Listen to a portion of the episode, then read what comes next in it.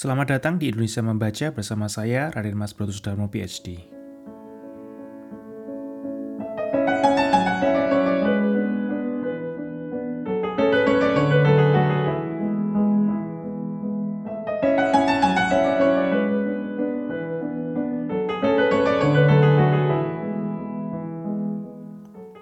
Pendengar dan Sobat Budiman, pada episode yang pertama ini, kita mau membahas uh, suatu buku yang berjudul Filsafat sebagai Ilmu Kritis karya Romo Franz Magnus Suseno SY.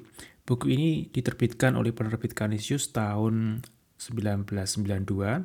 Kemudian edisi elektronik itu diproduksi di 2016.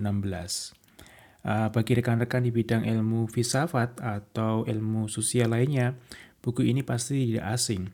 Namun bagi rekan-rekan yang sepidang dengan saya, misalnya di bidang sains, teknologi, kedokteran, dan buku ini, sebenarnya tidak kalah penting ya. Khususnya kalau rekan-rekan uh, di doktoran atau postdoc yang ingin lebih kritis mengajukan pertanyaan-pertanyaan mendasar. Coba kita lihat sistematika dari buku ini. Buku ini dibagi menjadi 15 bab.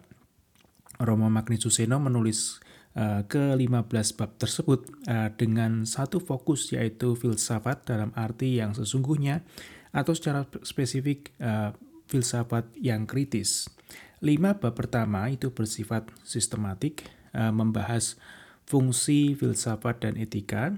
Kemudian pada lima bab yang pertama tersebut, Roma Magnis menekankan bahwa filsafat selalu juga merupakan kritik dan bahwa kritik merupakan salah satu fungsi terpenting filsafat dalam hidup masyarakat. Kemudian kata ideologi yang begitu kabur yang sering kita pergunakan ini dicoba untuk dijajaki. Kemudian pada eh, 10 bab berikutnya eh, Romo Magnis bergerak dalam kancah sejarah filsafat. Mulai dari pembahasan beberapa unsur dalam filsafat pasca Renaissance uh, yang dianggap sangat menentukan bagi munculnya peradaban dunia modern di cakrawala dunia uh, cakrawala budaya dunia uh, dan Romo Magnis kemudian meng mengenalkan ya tokoh-tokoh seperti uh, Rousseau, Hegel, kemudian Marx, kemudian uh, Jürgen Habermas serta mengenalkan karya pemikiran mereka. Nah, walaupun buku ini memberikan kita pengenalan ya tentang tokoh-tokoh besar filsafat, namun untuk memahami secara keseluruhan tidak gampang dan ada baiknya uh, rekan-rekan pembaca harus uh, betul-betul masuk ke dalam seluk-beluk uh, pikiran dari seorang filsafat sehingga mendapatkan sendiri bagaimana cara dan gaya pembahasan para tokoh filsafat itu yang sesungguhnya. Nah, uh, saya akan coba dari bab ke bab ya, mulai dari bab yang pertama.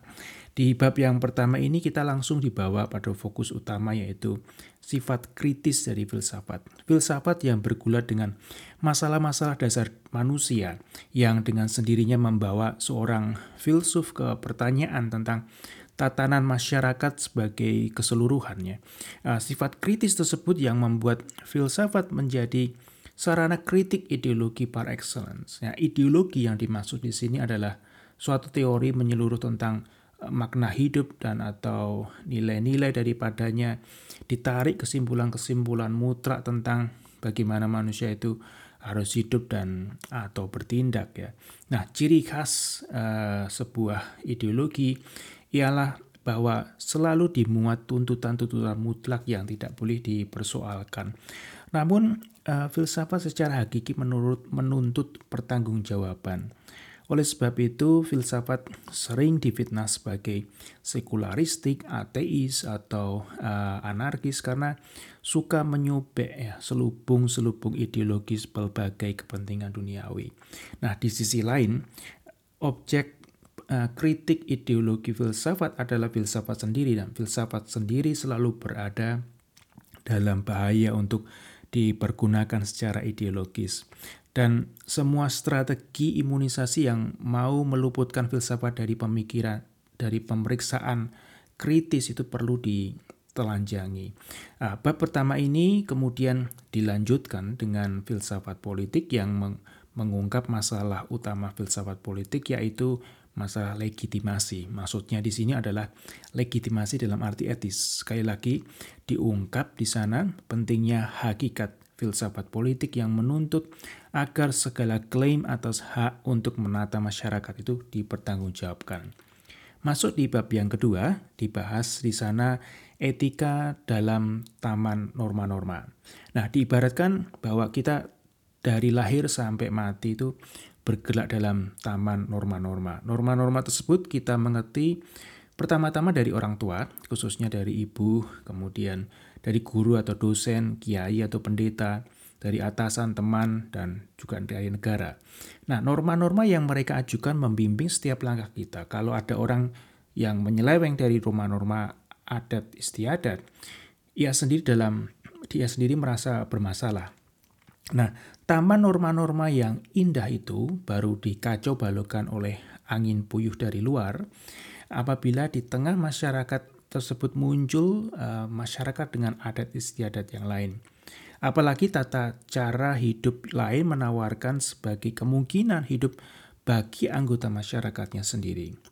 Nah, pecahnya pertentangan antara dua sistem normatif tersebut merupakan prasyarat ya bahwa orang mulai membedakan antara norma-norma adat istiadat di satu pihak dan norma-norma moral di lain pihak. Orang kemudian akan diperhadapkan dengan pertanyaan seperti ini. Kalau saya mau bertindak baik, dengan adil, dengan jujur, ya, saya harus mengikuti adat istiadat yang lama atau yang baru. Nah, di sinilah seseorang baru menyadari kekhususan norma-norma moral. Ya, saat kesadaran moral mulai menyadari kekhasannya dalam kancah pancaroba di apa di dalam dari masyarakat tertutup ke masyarakat terbuka merupakan momen saat lahirnya etika sebagai filsafat mengenai permasalahan moral. Hal ini dikarenakan ada pertanyaan hati nurani apa yang sebenarnya harus saya lakukan atau bagaimana cara untuk menentukan apa yang sebenarnya harus saya lakukan. Nah, di bab 2 ini ini uh, membahas etika fenomenologis dan etika normatif yang kemudian ditutup dengan suatu komunikasi terbuka. Dialog tanpa represi antara pihak-pihak yang kompeten menjadi prasyarat ya terbentuknya masyarakat yang manusiawi. Uh, masuk di bab yang ketiga itu membahas uh, pendasaran keabsahan norma-norma moral. Nah, di sini kita mendapatkan gambaran bahwa etika adalah ilmu yang kritis. Etika tidak boleh dicampurkan dengan sebuah sistem moralitas. Etika adalah filsafat yang mempertanyakan dasar rasional sistem-sistem moral yang ada.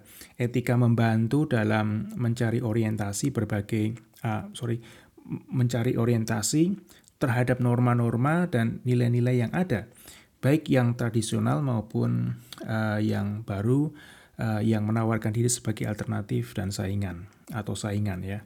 Uh, etika menyediakan sarana rasional untuk mempertanyakan keabsahan norma-norma moral dan merumuskan syarat-syarat keabsahannya.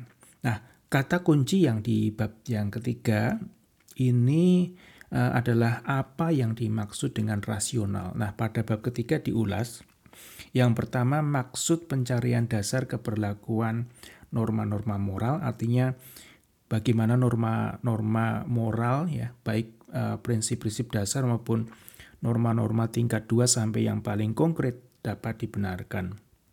Kemudian yang kedua, di tinjauan ringkas eh, posisi-posisi uh, utama dalam meta etika.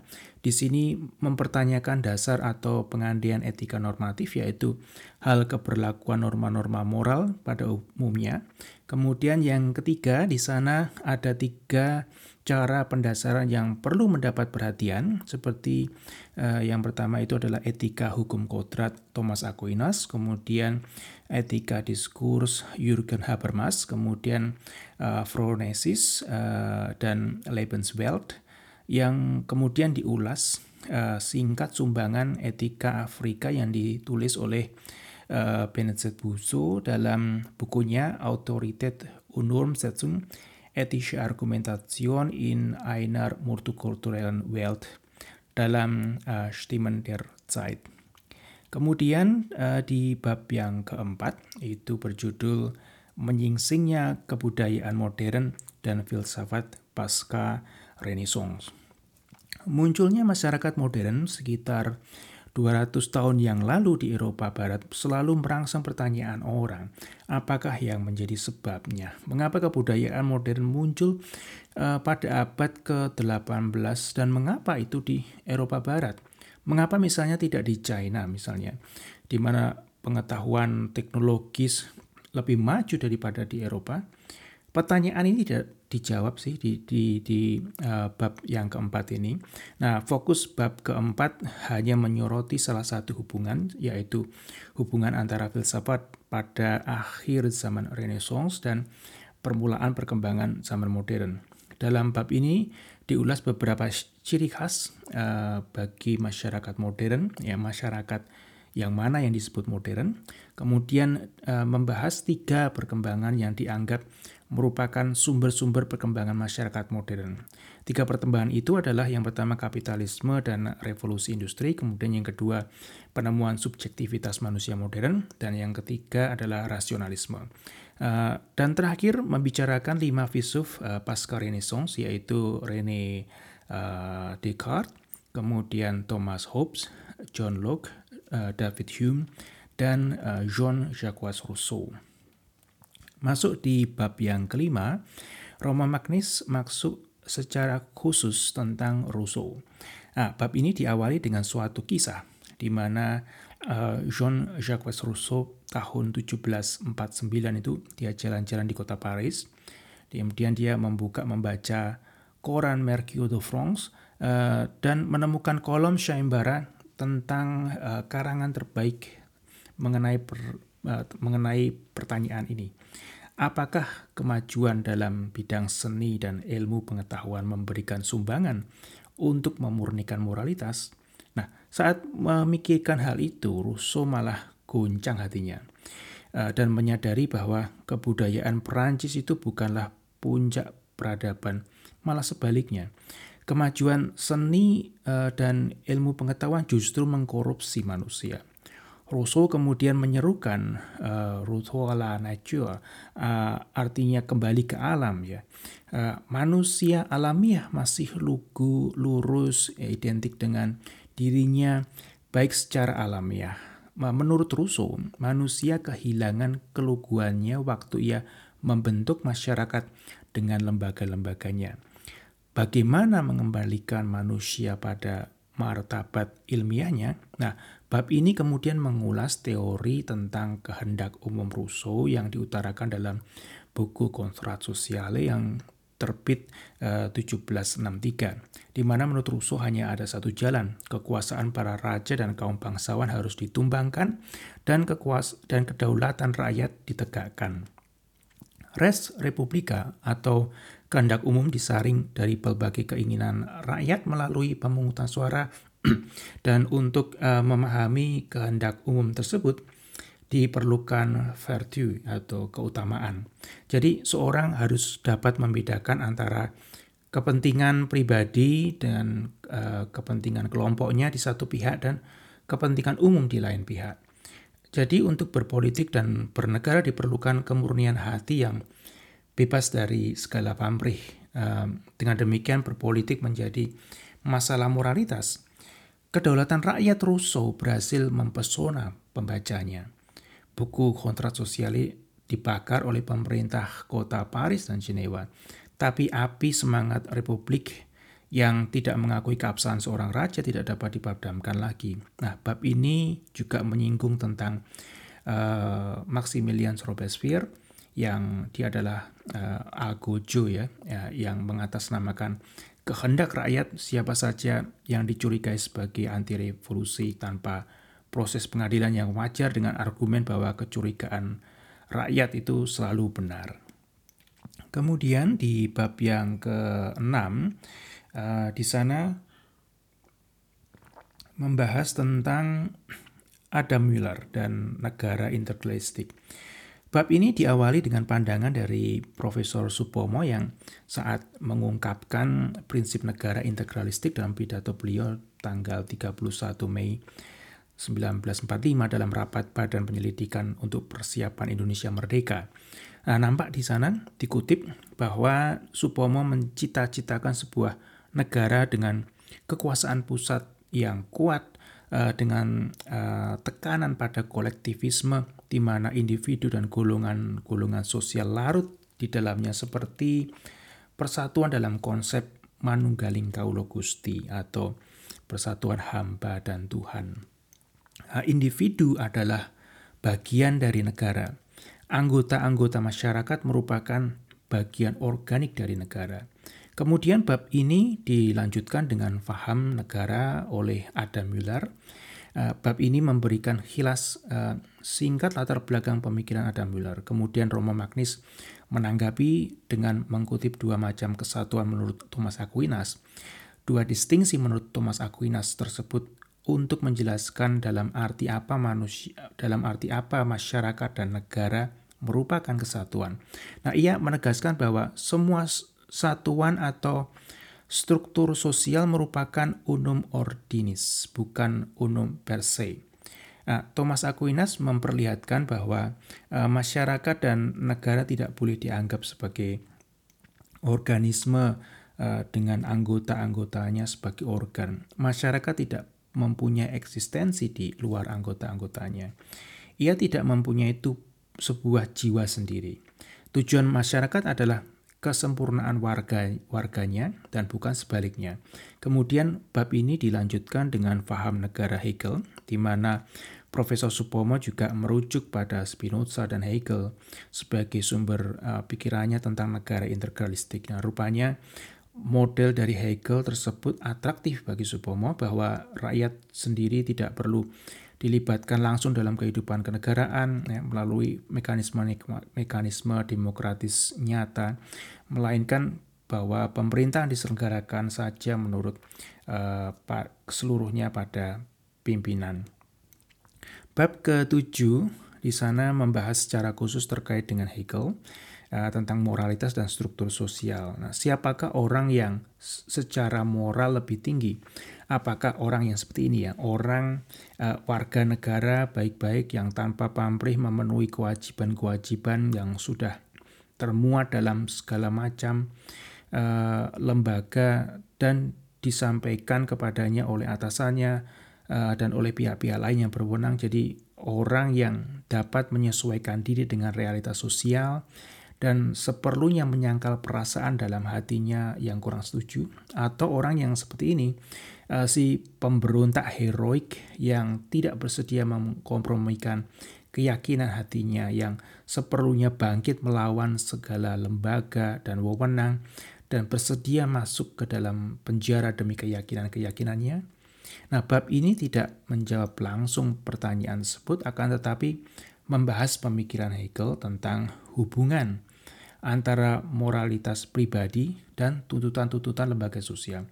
Uh, istilah penting yang dibahas uh, yaitu pengertian tentang Sittlichkeit dalam bahasa Jerman biasa diterjemahkan sebagai moralitas atau sikap moral. Uh, jadi berarti kesediaan untuk hidup bermoral atau dengan kata lain kesusilaan.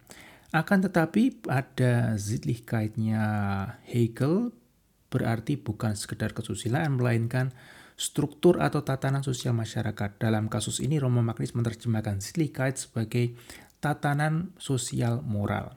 Dalam Hegel tatanan masyarakat yang berhak Eh, menjadi acuan moralitas, subjek bukanlah sembarangan tatanan, melainkan tatanan rasional, tatanan yang sudah mewadahi otonomi dan martabat manusia. Selama sistem hukum dan kekuasaan negara menunjang tanggung jawab otonom manusia, manusia akan dan harus taat. Eh, akan tetapi apabila negara itu merosot kembali pada uh, otoritarianisme, manusia tetap harus mempertahankan otonominya. Uh, ia harus menempatkan diri pada uh, penilaian moralnya sendiri, pada suara hati. Sehingga uh, ficus conscientius objector tetap merupakan kemungkinan dalam kerangka etika Hegel. Nah, di bab yang ke-8 itu diungkap perdebatan kritis uh, dengan Karl Marx. Di sini diulas kritik dari Marx kepada Hegel yang kalau dirangkum ada dua hal. Uh, pertama bahwa Hegel itu memutarbalikkan subjek dengan objek. Hegel menyatakan uh, negara sebagai subjek dan masyarakat sebagai objek padahal kenyataannya adalah kebalikannya. Kemudian yang kedua, Hegel mau mengatasi egoisme dalam masyarakat modern melalui negara sebagai penertib. Eh, hal mana berarti bahwa kesosialan atau anti egoisme tidak masuk kembali ke dalam masyarakat melainkan hanya dipaksakan dari luar kepadanya oleh negara padahal yang perlu adalah mengembalikan kesosialan manusia sendiri. Nah, diskurs kritis kemudian berlanjut terkait dengan apakah demokrasi, kemudian emansipasi manusia, kemudian uh, di mana masyarakat yang dicita-citakan Marx bersifat sosial utuh terbuka di mana masyarakat tidak lagi berdasarkan uh, akomodasi lahiriah egoisme-egoisme yang hanya berdasarkan paksaan negara atau pertimbangan untung rugi melainkan berdasarkan kerjasama dan komunikasi bebas dan spontan. Marx menuntut secara kategorik emansipasi manusia dan emansipasi itu baru tercapai apabila manusia membebaskan diri dari segala uh, heteronomi dan dapat berkembang uh, secara bebas dan utuh uh, sesuai dengan kekayaan hakikat sosialnya. Nah, di sana perdebatan yang menarik di bab uh, 8 ini uh, menyentuh berbagai aspek ya termasuk aspek pekerjaan.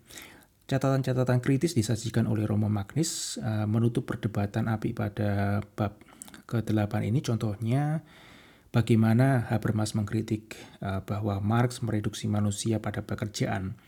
Kritik terhadap Marx terkait dengan uh, bahwa seluruh nilai ekonomis semata-mata diciptakan oleh pekerjaan tangan. Hingga perubahan sosial yang hanya dapat berjalan melalui revolusi. Nah, perdebatan terkait Marx masih berlanjut di bab ke-9, yaitu tentang buku Das Kapital. Buku yang banyak dibahas, dipuja dan dikejam, uh, dikecam uh, sekaligus begitu sedikit dibaca.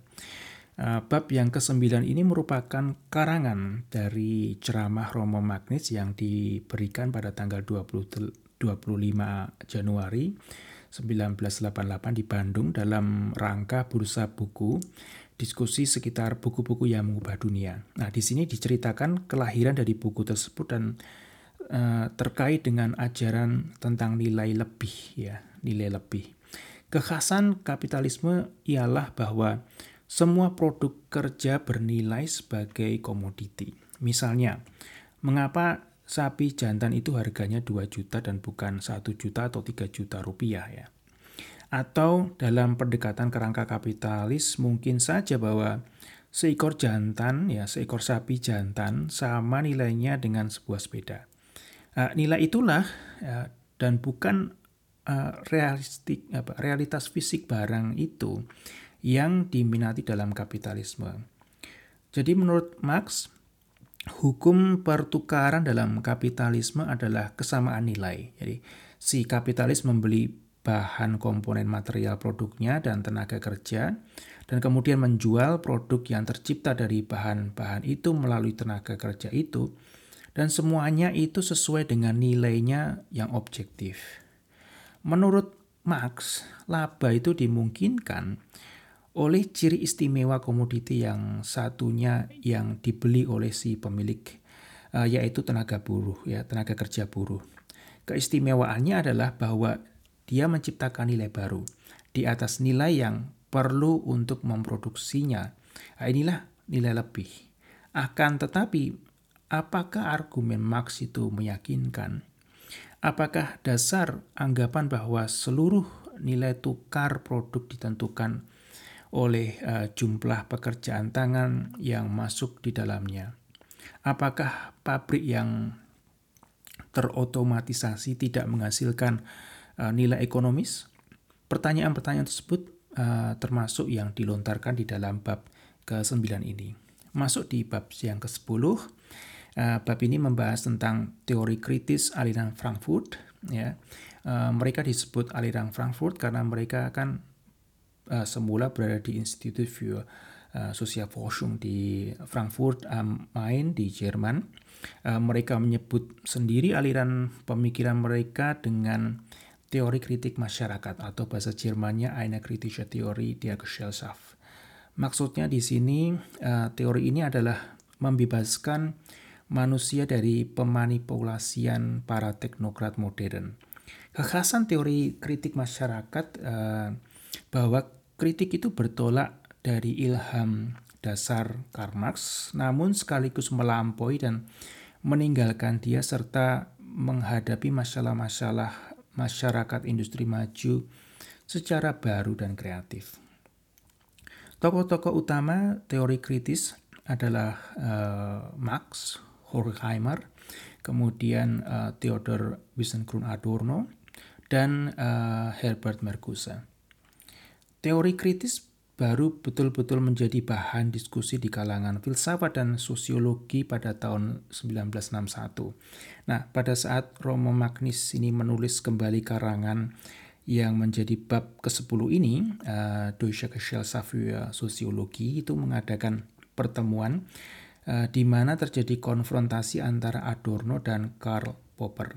Nah, konfrontasi itu kemudian masih dilanjutkan oleh Hans Albert ya, di pihak Popper dan Jürgen Habermas di pihak Adorno.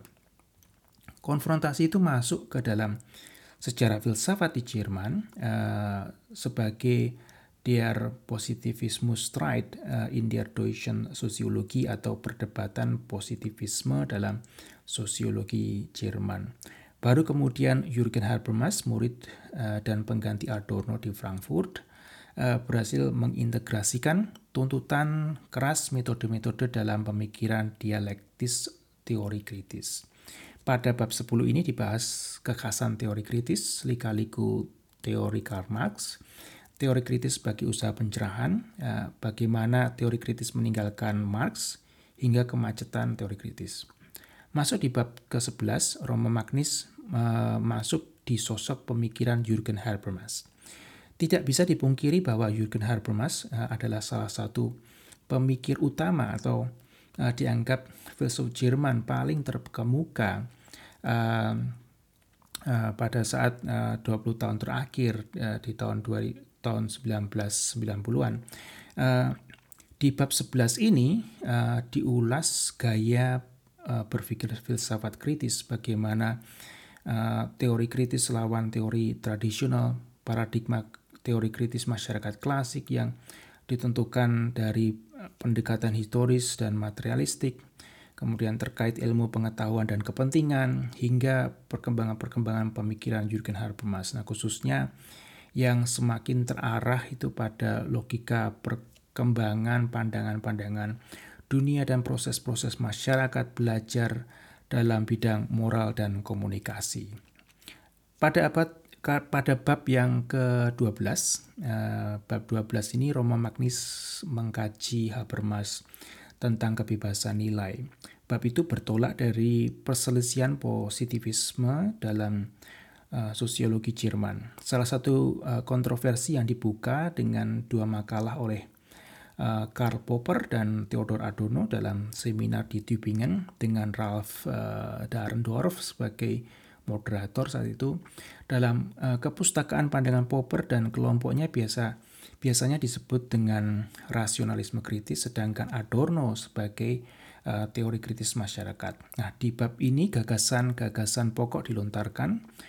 Postulat kebebasan nilai dalam ilmu-ilmu pengetahuan disajikan, kemudian diungkapkan kritik Habermas terhadap postulat kebebasan nilai terkait masalah basis atau di dalam bahasa Jerman adalah Basissatz, yaitu kalimat yang memuat pernyataan sesuatu duduk perkara empiris dan sederhana uh, terkait ciri ideologi postulat kebebasan nilai hingga catatan-catatan kritis terhadap pendirian Habermas.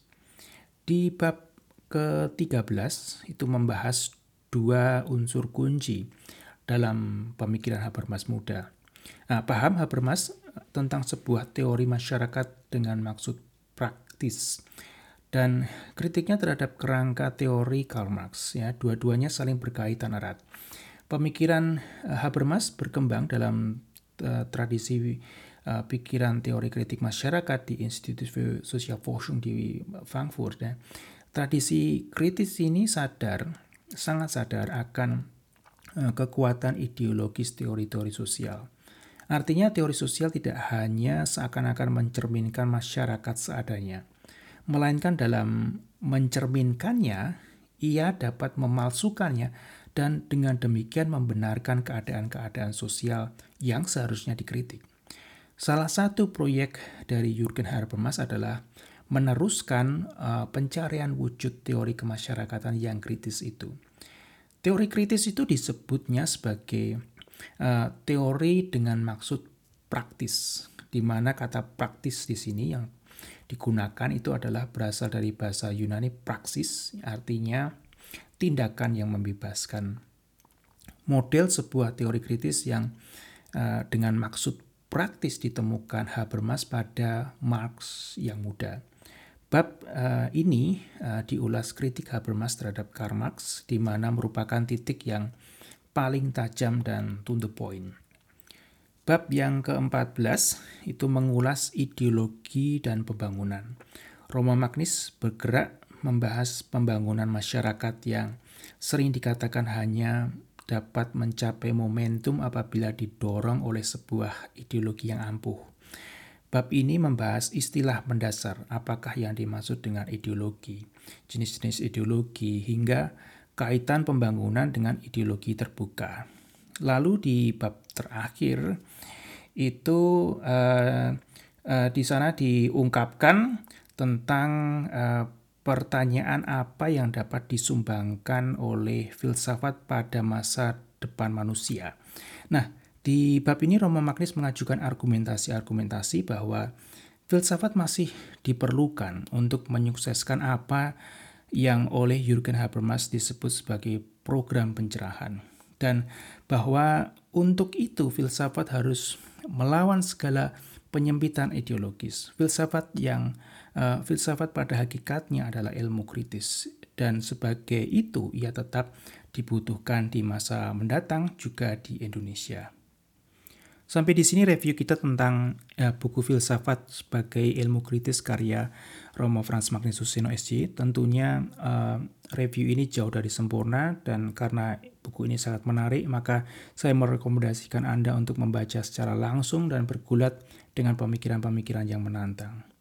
Semoga percakapan ini bermanfaat bagi pendengar Budiman. Terima kasih telah mendengarkan Indonesia Membaca bersama saya Raden Mas Sudarmo PhD. Sampai jumpa.